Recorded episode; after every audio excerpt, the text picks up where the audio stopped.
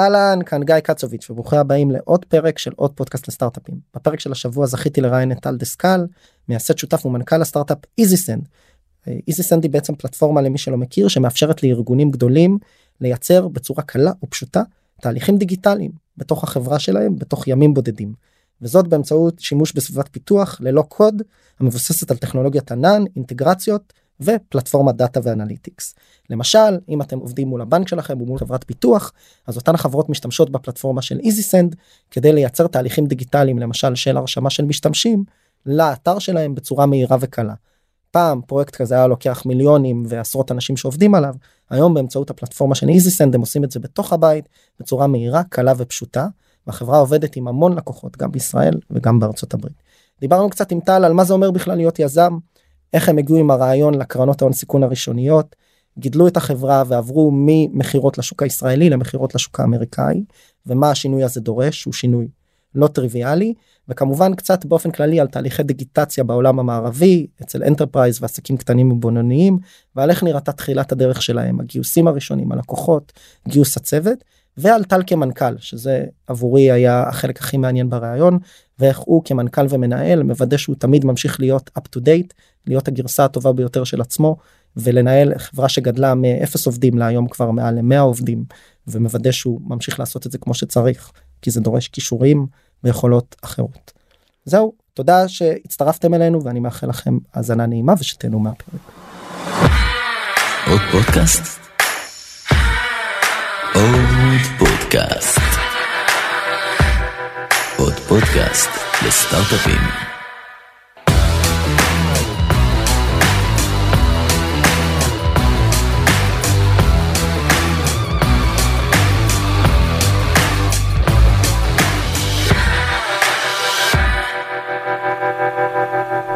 טל, אהלן, מה העניינים? בסדר גמור, מה שלומך? בסדר. קודם כל, אני שמח מאוד שחיברנו את כל הנקודות, וששנינו יוצאי ראשון לציון כבוד. הרבה נקודות. תחפש אותי בראשון. חפש אותי בראשון. כאן הכל אפשרי והכל כשר, למי שלא שמע את השיר האלמותי. אז טל, מה נשמע? ספר קצת על עצמך אולי ועל EasySend ככה, ב, נראה לי בכמה משפטים כזה overview, ואז נראה לי נעשה איזה דאבל קליק אה, פנימה ל- למסע שלך. יאללה, מעולה. אז אה, טל, בן 35, נשוי, גר בראשון, נשוי לדניאלה מדהימה, שתומכת כל יום, שזה לא קל. אה, לא יום כן יום לא, כל יום. כל יום, יש ימים גם שלא, תלוי אם, אה, אתה יודע, עושים את מטלות הבית, אבל אה, זה גם דברים שצריך לעשות אותם, אם אתה תומך, היא תומכת. לחלוטין. אה, אני פחות תומך אבל. אה, היא תשמע את זה בטח, אז היא תגיד הוא צודק. בגדול EasySend זה no code platform from any customer journey, אנחנו בונים תהליכים עסקיים לחברות ביטוח, בנקים, אה, ועכשיו אנחנו מתרחבים לאזורים גיאוגרפיים חדשים וורטיקליים חדשים. אה, הקמנו את החברה לפני חמש וחצי שנים, אבל נראה לי שאנחנו ניתן לך קצת לשאול את השאלות, ואז אה, תכוון, אותן, תכוון אותי קצת יותר. אין בעיה, אז קצת רק במספרים, אה, ככה למי שמאזין ככה תוך כדי ההליכה או הפקקים וזה, גיוסים, עובדים, קצת להבין מה זה החיה הזו של איזיסנד היום, ואז נראה לי כמו תמיד, כהרגלנו בקודש, נלך לתחילת הדרך. מעולה. אז אה, איזיסנד, 130 עובדים עוד מעט, 50 משרות פתוחות כרגע, גייסנו אה, 71.5 מיליון דולר על ידי אה, אה, ורטקס, אה, אינטל, אנקו ואוק. אה, סיימנו ממש סיבוב לאחרונה של אה, בי ראונד, ואנחנו ממשיכים אה, להתמקד בארצות הברית ולהתרחב שם בצורה מאוד אגרסיבית. עכשיו אנחנו מכירים, אני מקווה שאני לא עושה פה טעות, אה, מה שנקרא, זה לא בשידור חי, כן, אבל זה בהקלטה שאין להשיב אותה. אה, אם אני לא טועה, זה לא, מה שאתם עושים היום זה לא מה שעשיתם בדיוק בתחילת הדרך, נכון? אז היה שם איזשהו פיבוטון. לא, אז זה בדיוק מה שעשינו בתחילת הדרך. אוקיי, אז אה, הנה טעות. זה בדיוק מה שעשינו בתחילת הדרך, פשוט אה, פעם לא קראו לזה no code low code. אוקיי. אה, זה בדיוק כמו שה-RPA היה קיים לפני, אה, משנות ה-80 פחות או יותר, ולאט לאט זה התפתח ונהיה השם הזה, אז איך הקטגוריה. קראתם לזה פעם?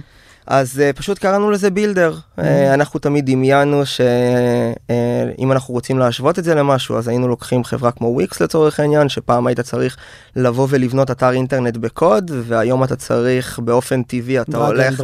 ל solution כזה או אחר, Wix, Webflow וכן הלאה וכן הלאה. אז אמרנו, אוקיי, היום אנחנו שמגיעים לחברת ביטוח, בנק או כל enterprise, uh, אה, לוקח להם לבנות תהליך דיגיטלי שהוא customer facing הרבה מאוד זמן. ובעצם מה שאיזיסנד אמרה, איך אנחנו מקצרים את הזמן הזה, איך אנחנו מייעלים אותו, איך אנחנו אה, עושים maintenance לדבר הזה, כי הרגולציה משתנה כל הזמן, ובעצם פיתחנו את מה שנקרא אה, no code, low code, drag and drop, ואז לאט לאט התחלנו להלביש לזה את ה-product marketing, איך לקרוא לזה, איפה אנחנו יושבים, אה, איך עושים לזה go to market, ויש שם הרבה אתגרים, ואני מאמין שנרחיב על זה בהמשך. אז דיברנו על זה קצת לפני הפרק ואנחנו תכף באמת ניכנס על האתגרים אה, שקשורים בצמיחה ובגדילה זה נראה לי מאפיין לא מעט חברות היום שהם אחרי סיד בתוך השוק. אני כן רוצה אה, לשאול אותך קצת על use cases אולי כדי שתוריד את זה רגע לקרקע ותן לי דוגמה לתהליך דיגיטלי כזה שאת, אה, שהמוצר של איזיסנד בא בו לידי ביטוי כדי שהמאזינה או המאזין ההדיוטים, הדיוטות, יוכלו אה, להבין למה מדובר. מעולה אז uh, כנראה הדיוטות בהיי לכל מי שנעלב לא לנטוש אותנו. אה, אז כנראה כל uh, אזרח במדינת ישראל מעל גיל 18 ישתמש באיזי סנד בצורה כזו או אחרת. Uh, אנחנו עובדים היום עם uh, 95% מחברות הביטוח והבנקים. זה כל פעם שהייתם צריכים להגיש בקשה, אם זה בקשה לשינוי, להצטרפות לקרן פנסיה, הצטרפות למשכנתה. Uh, עשינו פרויקט עם בנק לאומי משכנתה דיגיטלית, שהמשכנתה בפיג'מה, שהיה על זה פרסומת בטלוויזיה.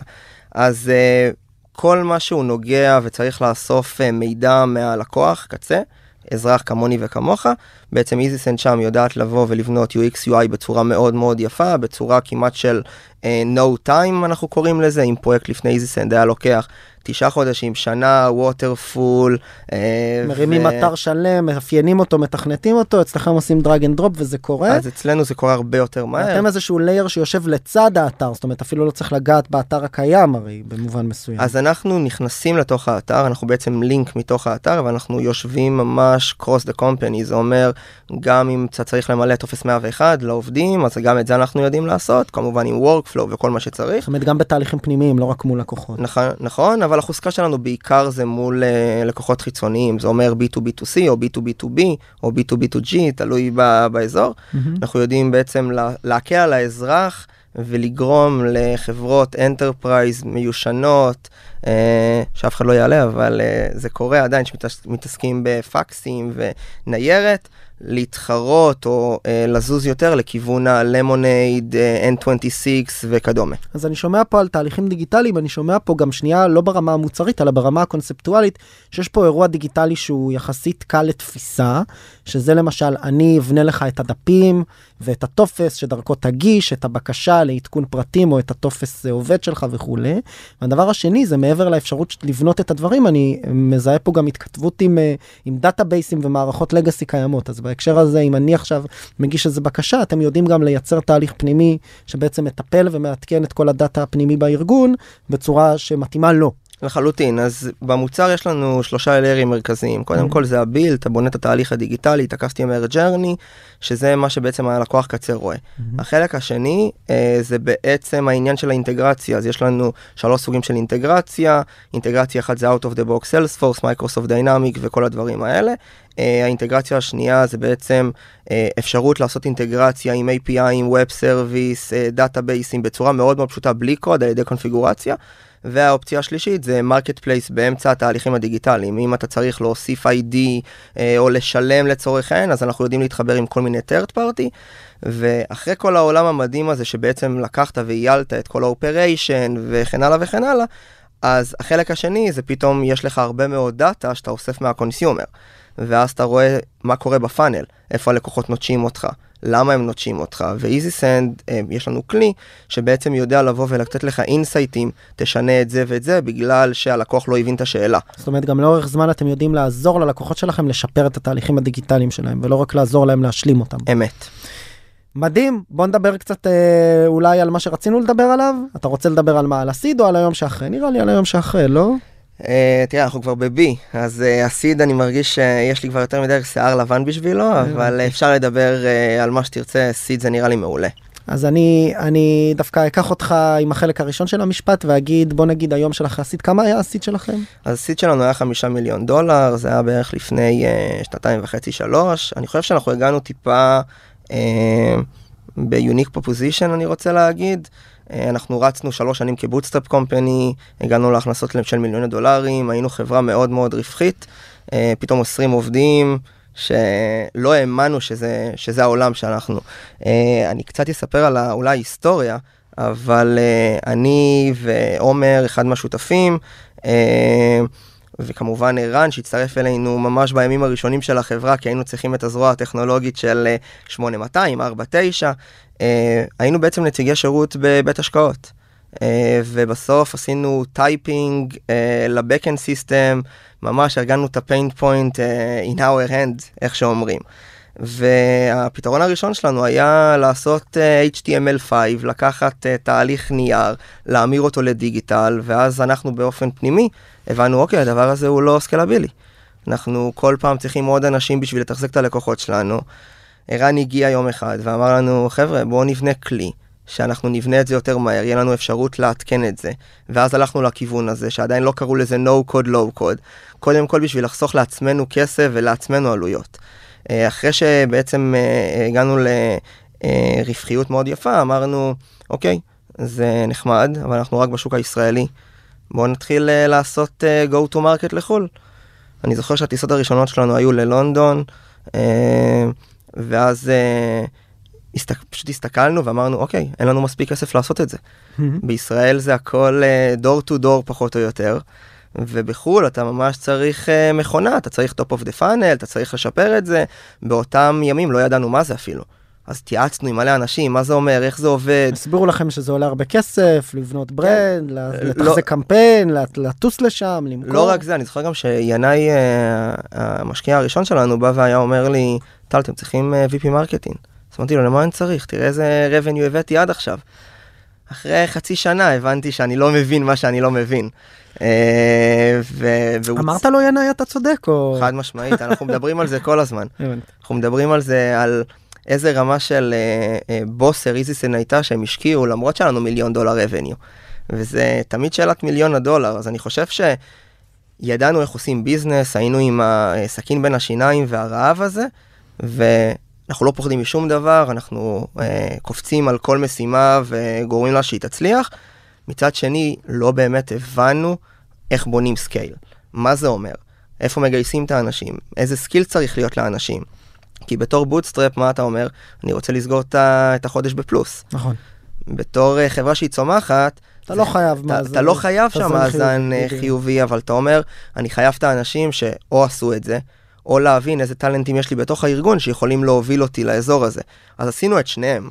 הבלנס הזה הוא היה מאוד מאוד חשוב. אז זה היה אחרי הסיד.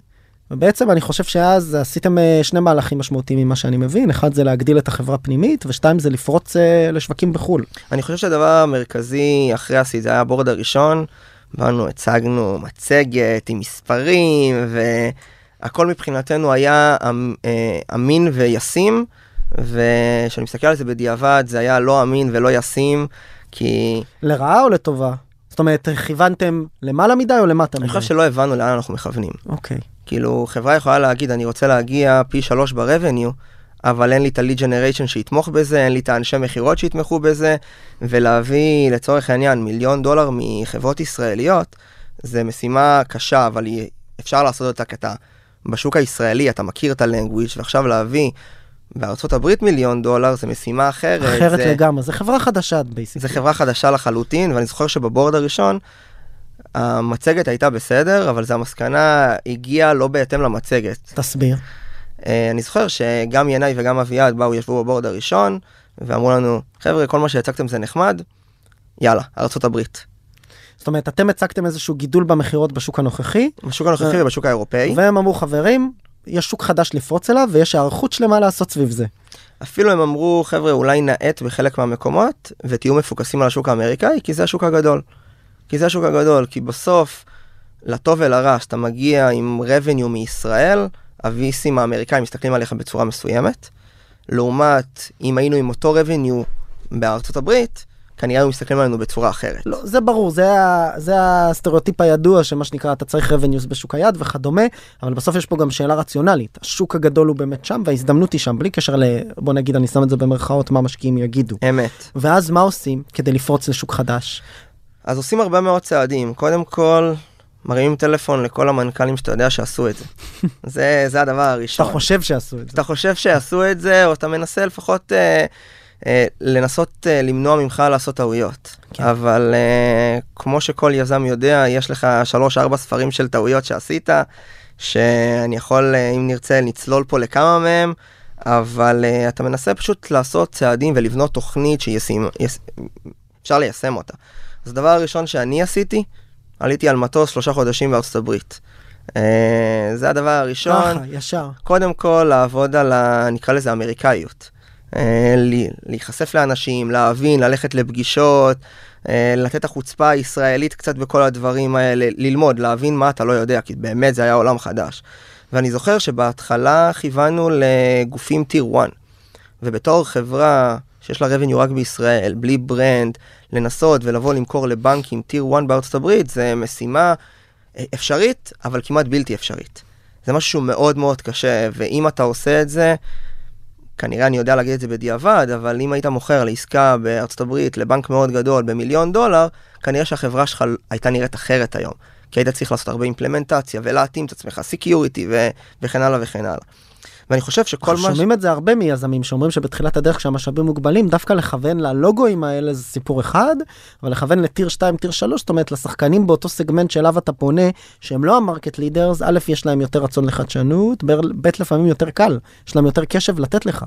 אז אני חושב שהכל עניין של פוקוס. החלק מבחינתי החשוב ביותר זה לבנות מכונה. כשאני מסתכל על הארגון פנימה, אני אומר, אני רוצה שבכל אזור יהיה לי מכונה. כן. מכונה ב-R&D, מכונה ב-Lead Generation, מכונה בסלס, בפריסל, הכל צריך לעבוד. אפילו היום, בתקופה המטורפת שאנחנו נמצאים, אפילו ב-HR. איך מגייסים, איך מודדים, למה אמרו לנו לא, למה אמרו לנו כן, מה הסיבות. זה צריך להיות מכונה, זה, יש לך top of the funnel, אלף מועמדים הגישו אה, מועמדות למשרה אחת, קיבלת, לא קיבלת, למה, מה קרה שם כן. בפאנל הזה. כן. בכל אזור אתה צריך בעצם לצייר מכונה, וזה מה שניסינו להבין.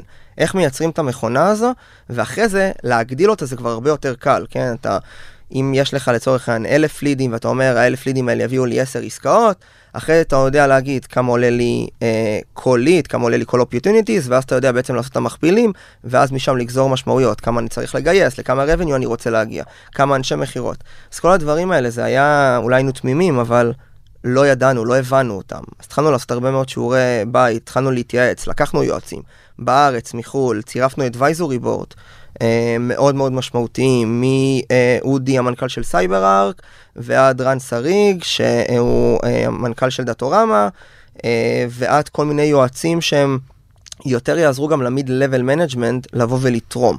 אה, ואחד מהדברים שאני זוכר בצורה מאוד מאוד טובה, וזה על אחד אה, מהעובדים שלנו, אנחנו עשינו הרבה מאוד ניסויים, להקים מחלקת SDR.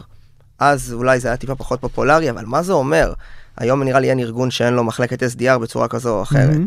ואני אמרתי, אני מחפש שם מישהו שהוא עשה את זה, הוא ניהל צוות והוא בא ללמד אותנו את הדברים.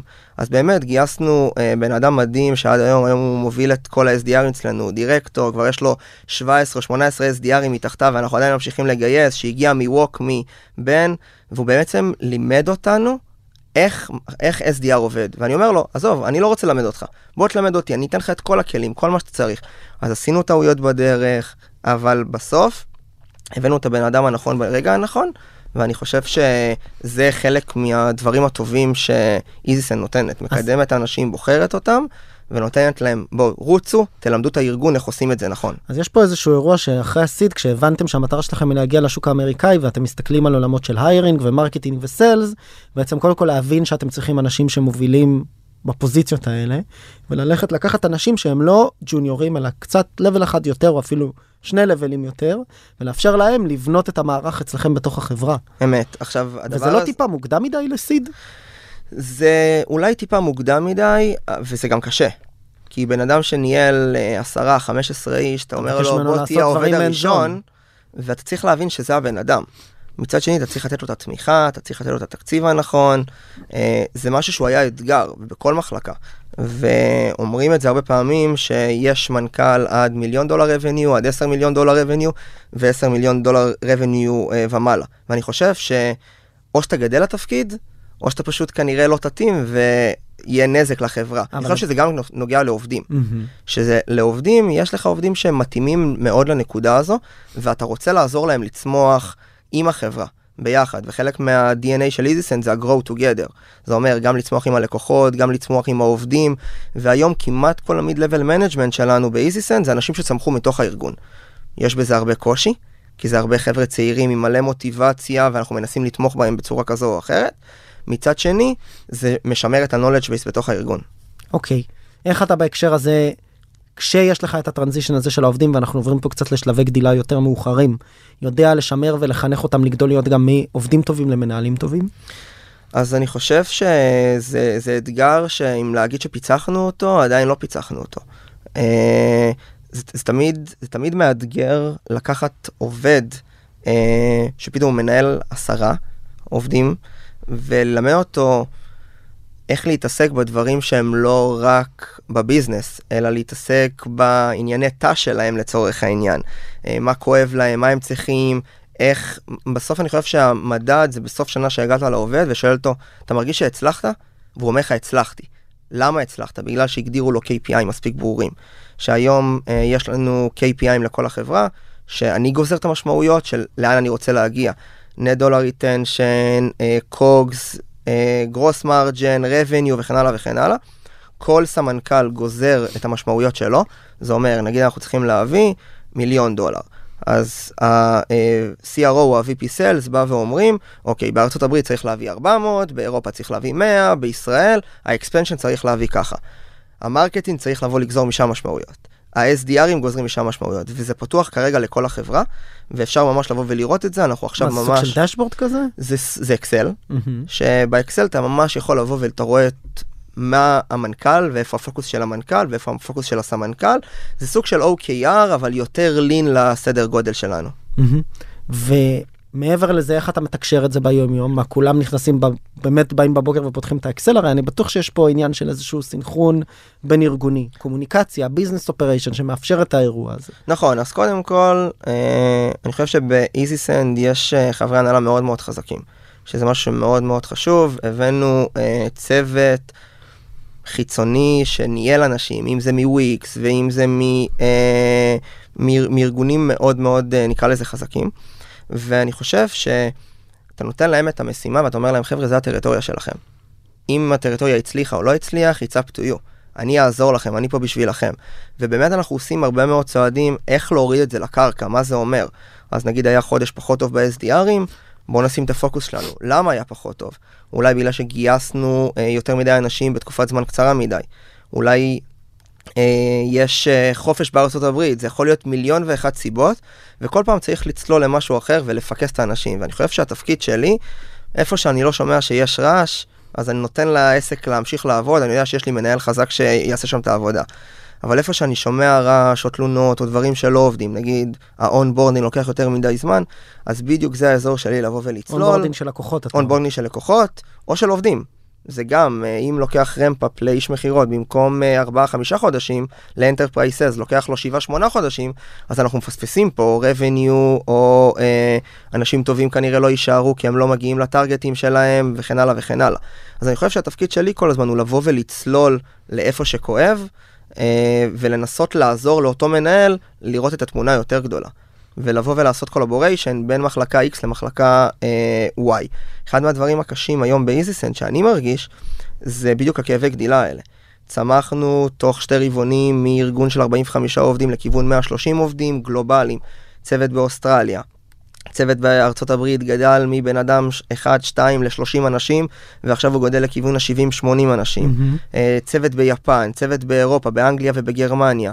פתאום יש לך, אה, נקרא לזה כור היתוך, שהוא מחבר בין כולם בצורה שונה, לכל אחד יש את המנטליות השונה שלו, את האמריקאיות, את היפנית, זה שני אנשים בסגנונות מאוד מאוד שונים, והתפקיד שלנו ביחד עם ה-HR הוא להבין איך להוריד את הפרטים האלה למטה.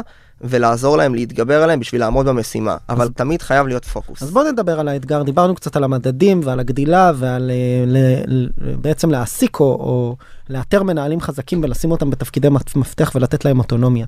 דיברת עכשיו על הקפיצה הזו כמעט פי שלוש בכמות העובדים בתוך תקופה קצרה, עובדים שגם עובדים מגיאוגרפיות שונות, בשפות שונות ובתרבויות שונות. איך מנהלים את האירוע הזה? מה האתגרים שעולים שם ואיך מתגברים עליהם? גם ברמה של, אני כבר לא מכיר את כל העובדים, גם ברמה של הם עובדים באמת פערי זמן שונים בדרכי קומוניקציה שונות וגם הקולצ'ר הוא טיפה אחר.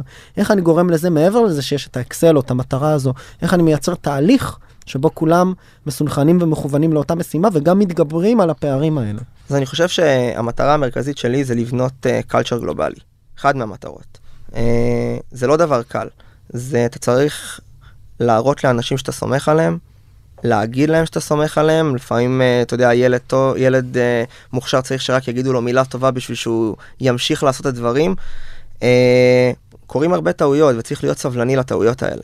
אה, טעויות זה חלק מה business, אה, זה חלק מ-AB testing שאנחנו עושים, ואני יכול להגיד שאנחנו לוקחים גם כחברי הנהלה, לוקחים mentorship לעובדים בתוך הארגון. אה, לצורך העניין, אני, יש לי מישהו שאני עושה לו mentorship בתוך הארגון, חמש דקות כל ערב, לשמוע מה קרה, מה כאב לו. עכשיו, זה לא בגלל שאני חייב לעשות את זה, בגלל שאני מרגיש שאותו בן אדם הוא talent, אני מרגיש שהוא יכול מאוד מאוד להצליח. ואני רוצה לתת לו את הכלים. עכשיו, זה יכול להיות אני, זה יכול להיות סמנכ"ל אחר בארגון. זה תוכנית כזו סדורה שאתם עושים? זה לא תוכנית סדורה, אנחנו מזהים באמת אנשים שצריכים את העזרה שלנו בשביל לבוא ולצמוח את השלב הבא, ואנחנו נותנים להם, אה, נקרא לזה, יד בשביל לעבור את הכביש, כי אני מאמין שאחרי חודש ליווי, חודשיים, שלושה חודשים ליווי, אותו בן אדם כבר יוכל ללכת לבד ולעבור את הכביש לבד, אחרי שהוא ידע מה זה רמזור אדום, להסתכל ימינה ושמאלה, וגם אם הוא יעשה טעויות, זה בסדר. אנחנו, אנחנו מעודדים טעויות, זה חלק מהקלצ'ר הארגוני, אנחנו, המטרה זה ללמוד מזה ולא לחזור על אותו טעות פעמיים. איך אה, מנחילים תרבות ארגונית בהקשר הזה מעבר לליווי פיר טו פיר שלך מול עובד ספציפי? אז אני חושב שזה קודם כל השיח בארגון, השיח בארגון חייב להיות בונה. להגיד שזה לא אתגר, זה אתגר מאוד מאוד גדול. הוא חייב, אה, לא צריך לחפש אצבעות מאשימות, אה, צריך לח, לראות את הדברים הטובים. אה, באופן טבעי, בסטארט-אפ, יש הרבה אתגרים. פעם אחת האזור הזה לא עובד, פעם אחת האזור הזה לא עובד, אתה צריך להבין למה הם לא עובדים. ואם כל הזמן תחפש אשמים, אז uh, אנשים ייקחו עשר צעדים אחורה ויחכו שמישהו יגיד להם מה לעשות. Mm-hmm. ואנחנו מנסים לעשות את התרבות ההפוכה. לבוא ולהגיד להם, אני לא יודע תשובה, בוא תגיד לי אתה מה התשובה. ואז זה מכריח אותו ללכת לחקור, לדבר עם אה, אה, עמיתים שלו. עכשיו משהו חדש שאנחנו אה, מובילים, זה round table בתוך הארגון, של כל ה mid-level management, רק שיחשפו את הקשיים היומיומיים, בלי שמות כמובן, בלי שום דבר, שידברו ביניהם על מה עבד לי, מה לא עבד לי, מה ה-best practice שמצליח. לא לכולם זה יעבוד באותה תצורה. ה-R&D מתנהג טיפה שונה מהאימפלמנטורים, ה-Sales and Marketing זה אנשים שונים, אבל כל אחד יודע לעשות את ההתאמה לאזור שלו. Mm-hmm. אז אני חושב, הדרך מבחינתי הכי חשובה זה להאמין באנשים, mm-hmm. ולתת להם את הכלים, וכן, האנשים האלה הם נשברים בדרך, כי הם... זה קצת כמו אחרי שמנכ"ל... מה זאת אומרת נשברים בדרך? זה, זה, זה בדיוק כמו שמנכ"ל מגייס כסף.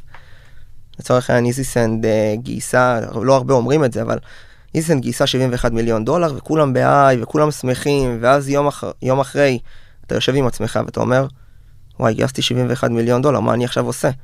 אתה כזה תופס את הראש, אתה אומר, טוב, בוא ניקח את הקפה, ואז עוד קפה, ואז עוד קפה, וזה לא מספיק לך. ואתה אומר, אוקיי, אני חייב שנייה לרדת לקרקע. אז אני בן אדם שלא נהנה הרבה מניצחונות, ואני רץ ישר לאתגר הבא ו- ומסתער על זה. לא כולם כמוני.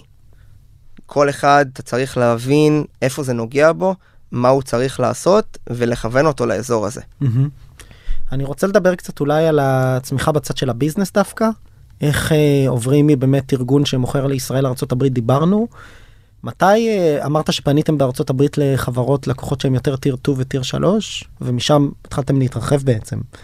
מתי הבנתם שזה גדל ויש לכם פה מכונה ואיך אתם ממשיכים ומאכילים ומגדילים אותה? אה, אני חושב קודם כל אתה רואה בצורה מאוד פשוטה רבעון אחרי רבעון אתה עומד ביעדים. אתה אוקיי. מגדיר יעד אתה עומד זה בו. נשמע, אבל זה, נשמע, זה נשמע מאוד פשוט זה דה פקטו דה פקטו יש פה אופרציה מאחורי הכלל. נכון אז, אז יש אופרציה אתה צריך להבין שאתה מבין את המטריקות של עצמך ובאמת להסתכל בלבן של העיניים מול המראה ולהגיד מה לא עובד. ומאוד קל uh, לטאטא הרבה מאוד דברים מתחת לשטיח ולהגיד אני אתעסק בזה יום אחד. אבל ברגע שאתה צולל לדברים הכואבים, the hard things about hard things, אה, זה, זה בדיוק שם. אתה צריך לגעת בדברים שלא עובדים. ל- ללמוד אה, מהר מאוד, לצורך העניין, עד לפני שנה ומשהו, לא היה מחלקת presale באיזיסנד. מי שהיה ה presale זה אני, עומר וערן, שלושת הפאונדרים וה product קצת, אה, שבעצם צללו מול לקוחות, כי אנחנו הכרנו הכי טוב את המוצר. עכשיו לך תעביר את כל המידע הזה ל presale, זה לוקח זמן, מה אנחנו עושים נכון, מה אנחנו לא עושים נכון. אז גייסנו שני אנשים מדהימים ולימדנו אותם, ועדיין אנחנו לומדים איתם ביחד מה נכון, איך מדברים עם לקוחות. לא כל tier הוא אותו דבר, לדבר ל tier 2 בעסקה שהיא bottom up, לדבר ל tier 1 לעסקה שהיא top down, זה דברים אחרים לחלוטין, זה גם סדר גודל אחר. עסקה של מיליונים לעומת עסקה של עשרות או מאות אלפי דולרים. אה, ואני חושב שהאתגר הגדול לבוא ולהתמודד עם זה, זה ממש לפרק את זה ולהגיד, אוקיי, מה עבד לי? למה זה עבד? אם זה עובד, בוא נכפיל את זה או נשלש את זה. לצורך העניין, הבנו שמחלקת ה-SDR שלנו יודעים לה, להביא X opportunities בחודש. המ- המכפלות לדבר הזה מאוד מאוד ברורות. אנחנו צריכים להביא לידים, כל ליד עולה לנו ככה, כל אה, אה, SDR יודע לתאם X פגישות, מזה נוצרים X opportunities. עכשיו פה המכונה ברורה. כמה אנשי מכירות לוקח אני זמן צריך. להגיע לשם. לוקח זמן להגיע לשם. זה עבודה שהיא מאוד סיזיפית, אה, היא עבודה לא קלה, שכל הזמן צריך לבדוק את עצמך, ואני חושב שלהקשיב לשיחות, להיות קרוב לשוק, לטוס לשם, להקשיב ללקוחות, הוא משהו שהוא must בביזנס שלנו, בעיקר שאנחנו מוצר שהוא low code, no code, אבל עדיין i-touch, כי אנחנו הוא גם מוכרים... אפליקטיבי מאוד בצד של הלקוח. נכון. מאוד יישומי. אה, בהקשר הזה איך אתם מייצרים היום אה, שיחות ותהליך פידבק מלקוחות כשאתם כבר חברה גדולה אנחנו מדברים הרבה על customer discovery כי זה ה buzzword עוד customer development בעולמות של lean startup בתחילת הדרך כדי להבין מה הלקוח צריך כדי להבין בכלל אם אתה פותר משהו ולידי. אתה פה אומר גם היום כשיש לי מוצר ולידי אני ממשיך לעסוק בתחקור לקוחות. אמת. אז אחד מהדברים, תראה, product market fit בישראל הוכחנו. אה, 95% מהשוק הפיננסי עובד איתנו בצורה כזו או אחרת. עכשיו רצינו לבדוק אם זה בארצות הברית. אז ניסינו להגיע לאנשים מאוד בכירים, גם להת- להתייעץ עם uh, גרטנר ופורסטר, וממש להבין איפה אנחנו נמצאים ב, uh, בדברים האלה, גם לפנות uh, למתחרים שלנו ולראות מה הם עושים, מי המתחרים שלנו, לנסות להבין הרבה הרבה יותר טוב. Uh, ואז כשאני עולה לשיחה עם uh, CDO של נשל וייד לשיחה, והוא אומר לי, טל, אני fully digital. עכשיו, הוא ה-CDO, אם הוא לא יגיד שהוא fully digital, אז uh, זכות הקיום שלו היא יורדת. Uh, ואז אני אומר לו, אני שואל אותו שאלה. אני מבין שאתה fully digital ויש לך צוות מאוד, אבל שאלה בשביל הידע שלי. תגיד, כמה פקסים אתה מקבל uh, בחודש? עושה לי, אתה מתכוון, אני מקבל את הפקסים למייל. מבחינתו זה דיגיטל, fax to mail זה, זה דיגיטל, אבל ה consumer עדיין ממלא את זה בצורה ידנית והכל. Uh, ואז uh, שהוא אומר לי, אני מקבל בחודש uh, 17 מיליון פקסים, וואו. אז אני פותח, ואז אני אומר, הבעיה כמו שהייתה בישראל היא אותו בעיה פחות או יותר, כמו שיש בארצות הברית. ועכשיו בוא נבין איך אנחנו uh, יורדים אה, גורמים ומפתחים. ללקוחות שלך להפסיק לשלוח פקסים ותדמיין כמה פקסים הם לא שולחים. אמת, ואני, ואני אחזור שנייה צעד אחורה אפילו לפני ה seed, שהיינו bootstrap, אחד מהדברים שאתגרו אותנו, זה מכרנו לכמה חברות ביטוח בישראל. ואנשים לא השתמשו בצורה מאוד מסיבית בטלפון. אה, ואחד מהדברים שקרו שם, אני ועומר היינו הולכים, יושבים ב call center, ומשכנעים את הנציגי שירות לשלוח לינקים ללקוחות קצה. כאילו כבר מכרנו לארגון, אבל מה שהיה חשוב לנו זה ה traction, כמה אנשים השתמשו במוצר. ואז אנחנו יודעים שברגע שאנשים משתמשים במוצר, ה expansion שלנו, ה-net שלנו גדל באופן מאוד מאוד משמעותי. אז אנחנו ממש היינו הולכים, יושבים עם הנציגי שירות, מבקשים כמובן אישור מהארגון, יושבים עם אוזניות ליד הנציג שירות, וכל פעם שהיינו מבינים, כי היינו נציגי שירות לפני זה, היינו מבינים שבן אדם הולך לשאול את השאלה, אז היינו אומרים לו כזה באוזן לנציג שירות, אל תשלח לו פקס, תשלח לו EasySend. ואז אנשים היו שולחים את EasySend, ואז פה אתה יוצר את ה trust הזה קודם כל של הארגון, לראות שהמוצר עובד. עכשיו בארצות הברית זה עולם אחר, אני לא יכול ללכת לשבת עם הנציגי שירות, כי זה ארגונים יותר, יותר גדולים, חלקם, היררכיים מאוד, היררכיים מאוד. סודיים לכאורה. כן, חלקם גם יושבים בהודו, המרכזי back office שלהם. אז פה היינו צריכים להת- להתגבר על אתגרים של לדבר עם ה product ועם ה-decision maker שם, ולהבין, ולהיות חלק מזה סוג של consulting לאותם צוותים, מה עבד לנו, מה ה-best practice. אני חושב שהיו פה הרבה מאוד אתגרים, אבל ממש הורדנו את זה לקרקע. זה בר... בהתחלה, בפריצה לשוק. עכשיו היום כשאתם כבר עובדים עם לקוחות משלמים ב... בשוק האמריקאי, איך אתה מוודא שאתה כל פעם גם לא רק מוכר, או עושה אפסל, אלא גם מקבל פידבק? אז קודם כל אני מקבל פידבק אה, באיזון חוזר משתי מקומות. אחד, מאנשי מכירות שלנו בשטח, סליחה, משלוש מקומות. אחד מאנשי מכירות שלנו בשטח, אומרים, הם ביקשו את זה, את זה ואת זה, הם הולכים ל product, מדברים איתם, מבינים, יש לנו, אין לנו, מה חסר לנו, ה product עושים אה, עניין של גם education, להבין מה חסר לנו מול השוק, וגם מצד שני, להבין, אוקיי, האם זה סקלבילי, זה לא סקלבילי, זה היה צריך אה, דרישה שהיא חד פעמית או לא. האזור השני זה ה-customer success. יש לנו לקוחות, רוצים להגדיל איתנו את הפעילות, בואו נבין מה הם צריכים. והאזור הראשון, ואני חושב שזה האזור להבין אם אתה ב scale או לא, זה האזור של ה-SDRים. האזור של ה-SDRים פונים ב cold emailים ו cold calling, ולהבין האם הצד השני מבין את ה message. האם הוא מבין את ה-elevator pitch שלך בפגישה הראשונה, אם אתה שם, ואז הוא מביא את הבן אדם הנכון. יש שם הרבה מאוד אתגרים. זאת אומרת, אלה אזורים שאני היום כמנכ"ל יכול, אם אני יושב עליהם ב double click, להבין מה הלקוחות שלי רוצים שאין לי, האם הלקוחות בכלל מבינים את הצעת הערך שלי, ואם לא, מה הם חושבים שהיא ומה הם צריכים. נכון, ובסוף, אה, אתה יודע, כל מנכ"ל, אני מאמין שיש לו תחביב אה, אה, להקשיב לשיחות גונג של האנשי מכירות שלו בצורה כזו או אחרת. אז הימי שישי בבוקר שלי זה קפה ושיחות גונג, להקשיב למה אמרו, מה אמרו, למה אמרו, ואני לומד מזה הרבה. אני לומד מזה הרבה בהרבה מאוד כיוונים, ותוך כדי אתה מבין גם איזה core system הם משתמשים, איזה פרטנרים אתה צריך לעבוד, ואז תוך כדי אתה מרים מחלקת business development, שאמורים לבוא ולתמוך בכל הפרטנרים, לעשות אינטגרציות איתם, ואז הרבה יותר קל לבוא ולהתחבר.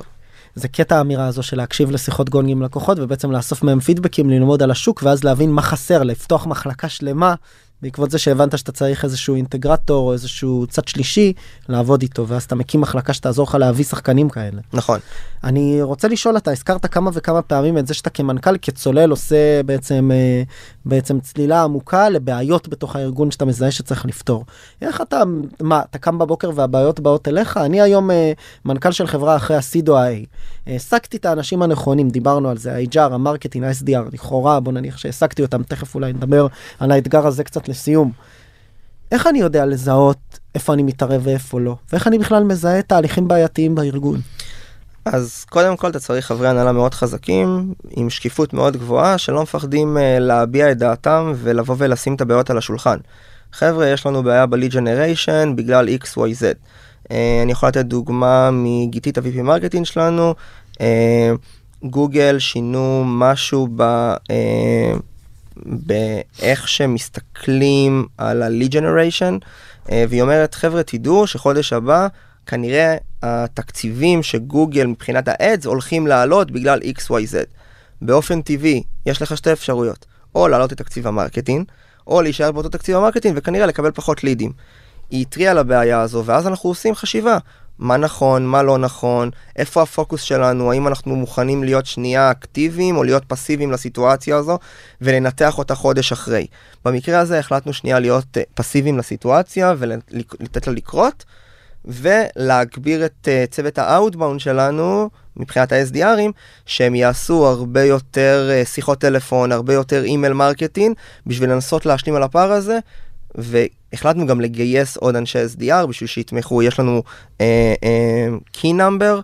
לכל Enterprise אה, Account Executive בעצם מוצמד אליו SDR שהם עושים ביחד אה, ABM, זה אומר Account Based Marketing, הם מסמנים אנשים והם פונים אליהם, לכל Mid Market Account Executive זה 1 ל-3. יש לנו שלושה Mid Market Account Executive ותומך בהם אה, אה, SDR אחד. Mm-hmm, הבנתי. ומה שם נראה התהליך בעצם של המכירה והפנייה ללקוחות? אני מה ההבדל בין ה-account executive ל-SDR ה-SDR עושה את הפניות את ה-cold email את ה-cold calling ה-account עושה בסוף את השיחה עצמה? אז ה-SDR אה, התפקיד שלו ב-EasySend הוא הרבה יותר. הוא אנחנו נמצאים היום ב-market education. זה אומר ללמד, כולם היום מדברים כ-buzzword על no code, low code, ורק 5% מהשוק, לפי מקינזי, אקסנצ'ר וכולם, אה, משתמשים ב-no code, low code כ-customer facing. זאת אומרת, יש פה עניין של qualification ולידי, כאילו בכלל להבין, להבין רלוונטי. שהוא מבין, שיש לו את ה-budget, שהוא יכול לעשות את זה, שהוא מבין את המשמעות וכולי. לחלוטין, אז הוא קודם כל עושה את הסינון הראשוני, את כל אה, הקווליפיקציה. וה-account executive זה demo call כזה? ה-account executive זה אנשים מאוד סיניורים שעולים לשיחה הראשונה, מבינים בכלל אם... יש אה, אה, מה שהוא אמר בשיחה הראשונה, יש התאמה בשיחה השנייה. במידה וכן, זה עובר ל-opportunities ומתחיל להיכנס ל-pipeline. מהמם. עדיין הם לא רואים דמו, הם רק מדברים ברמת ה-high level. מהפגישה בעצם שהוא מגיע אצלנו למה שנקרא product evaluation, הם עוברים דמו עם ה-presale, ואז משם אנחנו צוללים כבר ל-agreement וכן הלאה וכן הלאה. מכונה הזאת צריכה לעבוד באופן מאוד מאוד חלק, לדעת שאנשי המכירות לא מובטלים, יש להם מספיק פגישות, ה-SDRים יודעים לצייר, אה, לתאם מספיק אה, אה, qualification call וכן הלאה וכן הלאה. נתת פה דוגמה יפה של מנכ"ל, זה הכל התחיל, אני רק מזכיר, אנחנו שנייה מחזיקים ראש לדיון הזה, זה מאיך אתה כמנכ"ל מזהה בעיות ופותר אותם, ומשם צללנו לתהליך המכירה. זה התחיל מבעיה בעולם ה-marketing, בעולמות של גוגל שעשו איזשהו שינוי בדאטה, צמצא, החלטתם לתת לזה לקרות, הגדלתם SDR, וזה בעיה שהגיעה אליך. אתה היום, כשאתה קם בבוקר, איך אתה מחפש בעיות חדשות בארגון אם ה-executives לא, לא מדווחים? לא כי הם לא שקופים, כי הם לא חשבו שצריך לדווח, כי מבחינתם זה בסדר, כי תמיד אפשר לשפר ולא כדאי שתתערב כאן. אז אני חושב שהתפקיד של מנכ"ל בשלב הזה הוא בעצם שני דברים. אחד, לפקס את כל הארגון על משימה מאוד מאוד ברורה. שתיים, לבנות את הקלצ'ר הארגוני. ובעיות זה משהו שהוא היום-יום, בסדר? הוא תמיד נובע. Uh, ההסתכלות של מנכ"ל בשלב הזה, היא צריכה להבין איפה המכונה לא עובדת. אם המכונה עובדת מבחינת ה-marketing, אז אה, ה- VP marketing עושה את העבודה טוב, והיא כנראה תמשיך, ואנחנו צריכים לחשוב רק על יצירתיות, איך אנחנו מחפשים אה, אה, מקורות נוספים, או איך אנחנו מחפשים אה, אפשרות ל-partnership להביא יותר אה, lead generation ל-top of the funnel, ואיך זה מתקנברט ל-bottom of the funnel. מבחינתי ביום יום אני צריך לשאול, אוקיי, אני רואה שהמכונה לא עובדת. נגיד, אה, אני אתן דוגמה, נגיד בעולמות ה-presale, כן. בסדר? עולמות ה-presale אנחנו מבינים שנגיד בשלב מסוים בתהליך המכירה, אה, ה-conversion שלנו יורד בצורה משמעותית אחרי הדמו. למה אנחנו, למה זה קורה? עכשיו מתחילים לשאול שאלות. אולי הדמו לא מספיק טוב, אולי אנחנו לא נותנים את המידע מזהים הנכון משהו בדאטה ללקוח. וצוללים פנימה. בדיוק. אתה כמנכ"ל, דיברנו על זה, איך אתה מוודא שאתה הופך להיות מהמנכ"ל שמכר bootstrap אה, ללקוחות ישראלים, לזה שמקים חברה בשלב הסיד ומתחיל למכור לשוק האמריקאי, לעכשיו מנהל חברה בשלבי צמיחה, עם בורד, משקיעים, בטח פרוספקט שיושבים בדלת, מגייס אקזקיוטיבס. איך אתה מוודא שאתה, מה שנקרא, up to date, ואתה אמרת יש מנכ"ל אה, 0 עד מיליון, מיליון עד 10, 10 פלוס, איך אתה מוודא שהגרסה שלך ממשיכה להשתדרג? אז קודם כל, אני תמיד לומד. אני חושב שזה? היום-יום. א', משתי המנטורים שציינתי בהתחלה, אם זה אודי ורן, אה, הבורד שלנו הוא מאוד בורד חזק, שמלווה אותנו, מגבה אותנו, אה, גם אם יש אה, רבעון פחות טוב, הם עדיין מאחורינו. אה, אני מקווה שלא יהיה כמה רבעונים פחות טובים, אבל אה, זה, זה המציאות. אה, תמיד ללמוד. אם זה להקשיב לפודקאסטים, אם זה אה, לדבר עם אנשים, לדבר עם התעשייה, לדבר עם העובדים. אני, יש לי שיחה אחת לפחות או יותר חודשיים עם כל מיד-לבל management בארגון בצורה כזו או אחרת, חצי שעה, לשמוע מה כואב לו. קצת לרדת לקרקע, כי לפעמים דברים נשארים מאוד מאוד למטה, ולפעמים אני... השיחה הזו, המטרה שלה לתת מוטיבציה לאותם אנשים, לבוא ולהגיד להם, חבר'ה, אתם מסוגלים לעשות את העבודה. אתם, אה, אתם לא צריכים לא להאמין בעצמכם, תאמינו בעצמכם. אתם, יש לכם את הגיבוי שלי. רוצו, תעשו טעויות, אני, תגידו, טל אמר, טל מגבה אתכם. אותו דבר המנהלים עושים, אבל בסוף, אה, ביום-יום אני חושב, ההסתכלות הוא לפקס את כולם על אזור מסוים, על מטרה מסוימת, שכולם יהיו אליים וישאלו את השאלה, האם מה שאני עושה עכשיו עומד במטרה הזו, כן או לא? תחבר לחזון של הארגון. מתחבר לחזון של, לחלוטין של הארגון של ה-Grow Together, קודם כל, ו, אה, ושאני מסתכל עליי באופן אישי, אז להיות קשוב. להיות קשוב לעובדים, לא להגיד אני יודע הכל ולרוץ עם האמירה הזו, אלא כל לא משנה מי נכנס לחדר, להיות באוזן קשבת ולקבל את ההחלטה, וגם אה, לדעת לה- להודות בטעויות שאתה לא תמיד צודק. אני חושב שזה משהו שהוא מאוד מאוד חשוב, ולהבין סיטואציות. להבין סיטואציות על פני השטח, אני רוצה לבנות ארגון עם אה, אפס אגו, זה מאוד מאוד חשוב שכל אחד יכול לבוא ולהתקשר, ושאני עושה onboarding לעובדים בצורה כזו או אחרת, אני אומר להם, חבר'ה, אם אתם צריכים משהו, אני פה בשבילכם ולא להפך.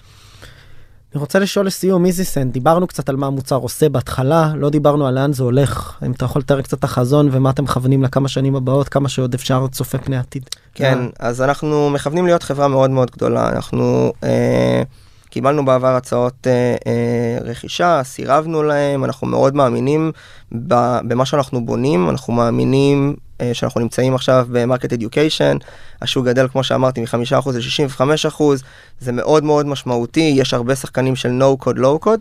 איזסנד רוצה להיות הלידר בשוק הזה, בשביל זה גייסנו את הבי ראונד, אה, בשביל זה אנחנו עושים הרבה מאוד צעדים שהם אסטרטגיים, שאני פחות יכול לחשוף פה בשיחה. אה, אבל המטרה שלנו היא להוביל את השוק הזה, ולא רק בעולם של ה-financial services וה-insurance, אלא להוביל אותו בכל ורטיקלים. יש לנו לקוחות כמו איקאה uh, היום, שאנחנו עושים איתם את kitchen, ופולקסווגן uh, uh, בארצות הברית לקוחות שלנו, ויש הרבה מאוד דברים שאנחנו עושים בשביל להוביל את השוק הזה. זה לא דבר קל, צריך גם הרבה כסף, ואני בטוח ש... ואת זה אני אומר כל הזמן לעובדים שלנו. אנחנו נמצאים בזמן הנכון, בשוק הנכון, עם הצוות הנכון. טל, אני רוצה להגיד לך המון תודה שבאת לפודקאסט, היה לי מאוד מעניין וכיף לדבר איתך. ויאללה, נתראה אחרי ה-C ראונד. תודה רבה.